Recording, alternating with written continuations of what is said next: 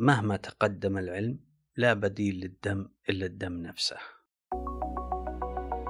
حياكم الله في بودكاست عش بصحة هذا البودكاست هو أحد منتجات المنصة الرئيسية للتوعية الصحية بوزارة الصحة. سنة 1667 ما كانت سنة عادية في تاريخ البشرية. في هالسنة وتحديدا بتاريخ 16 يونيو رأى العالم تطور مهول في تاريخ الطب البشري واللي هو كان عبارة عن نجاح أول عملية نقل دم ناجحة لجنس بشري وكان هالشيء للطبيب الفرنسي جان باتيست. لكن الغريب في الموضوع أن الدم المنقول لهذا الإنسان كان من دم خروف نجحت التجربة وشوف المريض تم تكرارها ثانية على شخص آخر ونجحت. لكن للأسف في الثالثة والرابعة صارت المحصلة كارثية بمعنى الكلمة. لدرجة أن القضاء الفرنسي وقتها أصدر قرار يمنع نقل عمليات الدم إلى البشر واستمر هذا القرار لعدة قرون. إلى ما وصلنا لنصف القرن التاسع عشر عشان تراجعت الدراسات والأبحاث من جديد. لكن هالمرة نقل الدم بين البشر نفسهم وهنا جاء دور عالم الأحياء النمساوي كارل لانشتاينر واللي بدوره تم اكتشاف الفصائل الدموية. بمعنى أنها استنتج أي فصائل الدم تركب وتناسب بعضها لما يجي الموضوع للنقل أو للتبرع واللي هي يمارسها الطب اليوم. تطور عظيم والأمانة تخيلت لبعض اللحظات لو أن التحدي هذا استمر وش بيكون حال البشرية اليوم؟ وكم إنسان اليوم رجعت له الحياة واستقرت حالته بسبب عمليات تبرع بالدم؟ وش بيكون حالهم؟ نرحب بضيفنا الدكتور عمر السحيباني حتى نتحدث أكثر عن موضوع التبرع بالدم. أهلا وسهلا فيك دكتور عمر. أهلا وسهلا فيكم. عرفنا أكثر عن نفسك دكتور عمر. أنا الدكتور عمر بن محمد السحيباني استشاري أمراض الدم وطب نقل الدم. عظيم. آه، دكتور عمر إحنا حاليا التبرع بالدم هو آه، جزء نسمع عنه كثير لكن بنسألك من منظور آه، من منظورك دكتور؟ ما هو التبرع بالدم؟ وكأمر تطور في الحياة الآن وفي البشرية وحتى تطور موضوع أو مفهوم التبرع بالدم في الطب البشري. ما هو إيش فكرته وكيف الإنسان يقدر يستفيد منه؟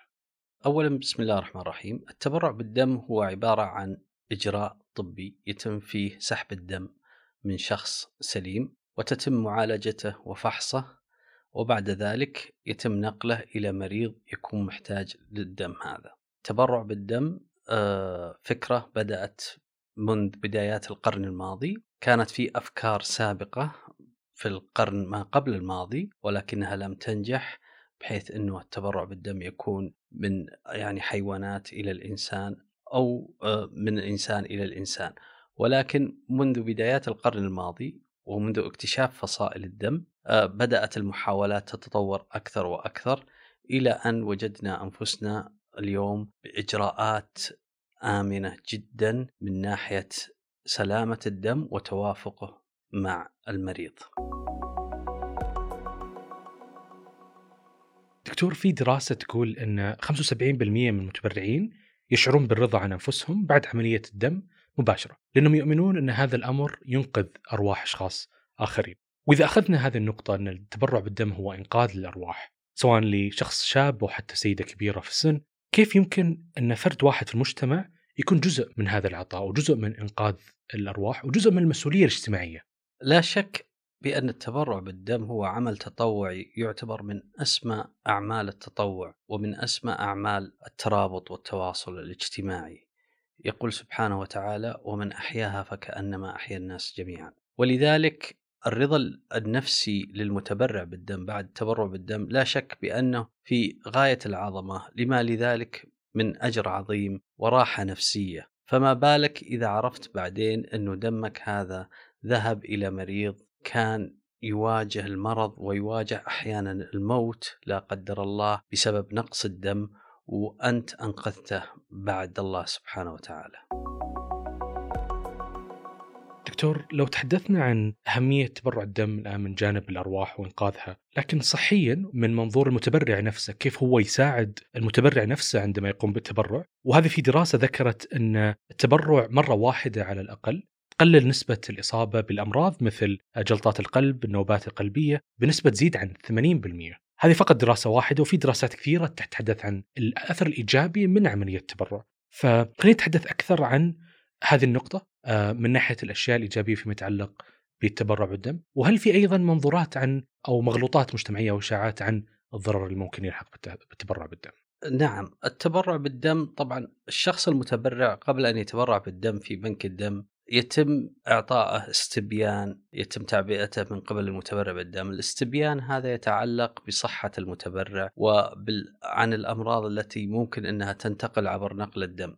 عن طريق الاستبيانات هذه إن المتبرع ممكن يتأكد من صحته إذا كانت سليمة أو لا. هناك فحوصات قبل عملية سحب الدم، فحوصات سريعة، أيضا المتبرع بإمكانه انه يتأكد من سلامة آه، العلامات الحيوية بالنسبة له.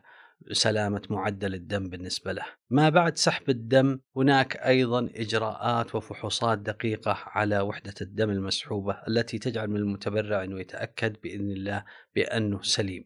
أضف إلى ذلك أن المتبرع حين يتبرع بالدم يتم سحب كمية نصف لتر أو أقل بقليل من دمه مما يجعل هناك ردة فعل من نخاع العظم وهو مصنع الدم بإنتاج خلايا دم حمراء ومكونات الدم الأخرى في أثناء بعد تلك الفترة بقليل بحيث إنه يتم تنشيط نخاع العظم وتنشيط الدورة الدموية بالنسبة للمتبرع بالدم. هذه الأشياء كلها مع بعض إذا اجتمعت لا شك بأنها وجدت الدراسات بأنها تضيف إلى جودة صحة المتبرع من ناحية التأكد من آه، صحته وأنها ما فيها أي مشاكل لا قدر الله وأنها برضه تمنع من أمراض القلب والتجلطات وما إلى ذلك من الأمراض التي قد تكون عملية التبرع بالدم تحميه من آه، ذلك. عظيم وهذه الجوانب الإيجابية ذكرتها فيما يتعلق في التبرع بالدم.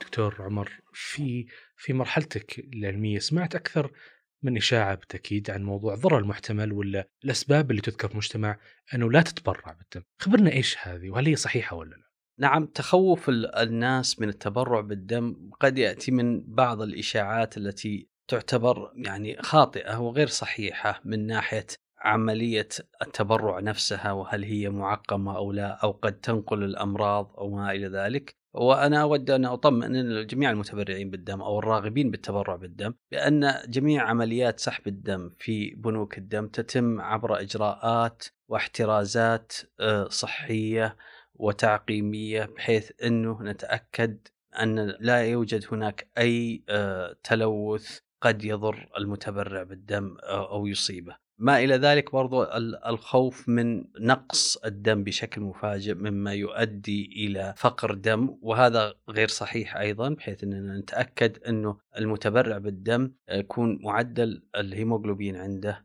بالنسبة الطبيعية بحيث إنها ما تأثر حتى بعد سحب التبرع بالدم إنه ما يتأثر المتبرع ويعاني من فقر الدم في حينها. كذلك نتأكد بأن المتبرع آه، بعد سحب الدم منه ما يخرج من بنك الدم إلا وهو سليم وعلاماته الحيوية سليمة على أساس أنه ما آه، يتأثر لا قدر الله بعمليات هبوط بالضغط بعد عملية التبرع وذلك عن طريق تزويد المتبرع ببعض السوائل وإعطائه بعض الإرشادات الصحية التي آه، ممكن إنه آه، تساعد المتبرع باستعادة مستويات مكونات الدم بشكل أسرع بعد التبرع بالدم. تحدثنا دكتور عمر عن أكثر من جانب من جانب آه، كيف أثر التبرع بالدم للمريض وأيضا أثره على الفرد من مسؤولية اجتماعية وأيضا جسديا وطبيا كيف يأثر عليه. هل في نقطة أخيرة حاب تختمها فيما يتعلق بالتبرع بالدم؟ نعم النقطة الأولى وهي مهما تقدم العلم لا بديل للدم إلا الدم نفسه.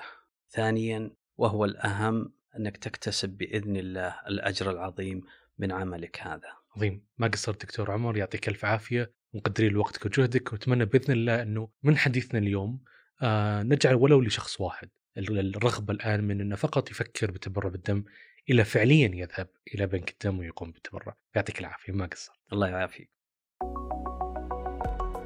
نقلا عن وكالة الأنباء الأمريكية Associated Press تقول أن التبرع بوحدة دم واحدة قادرة على إنقاذ حياة ما يصل إلى أربع أرواح من البشر. هذا دليل على أن التبرع بالدم دليل على إنسانيتك وحبك للخير.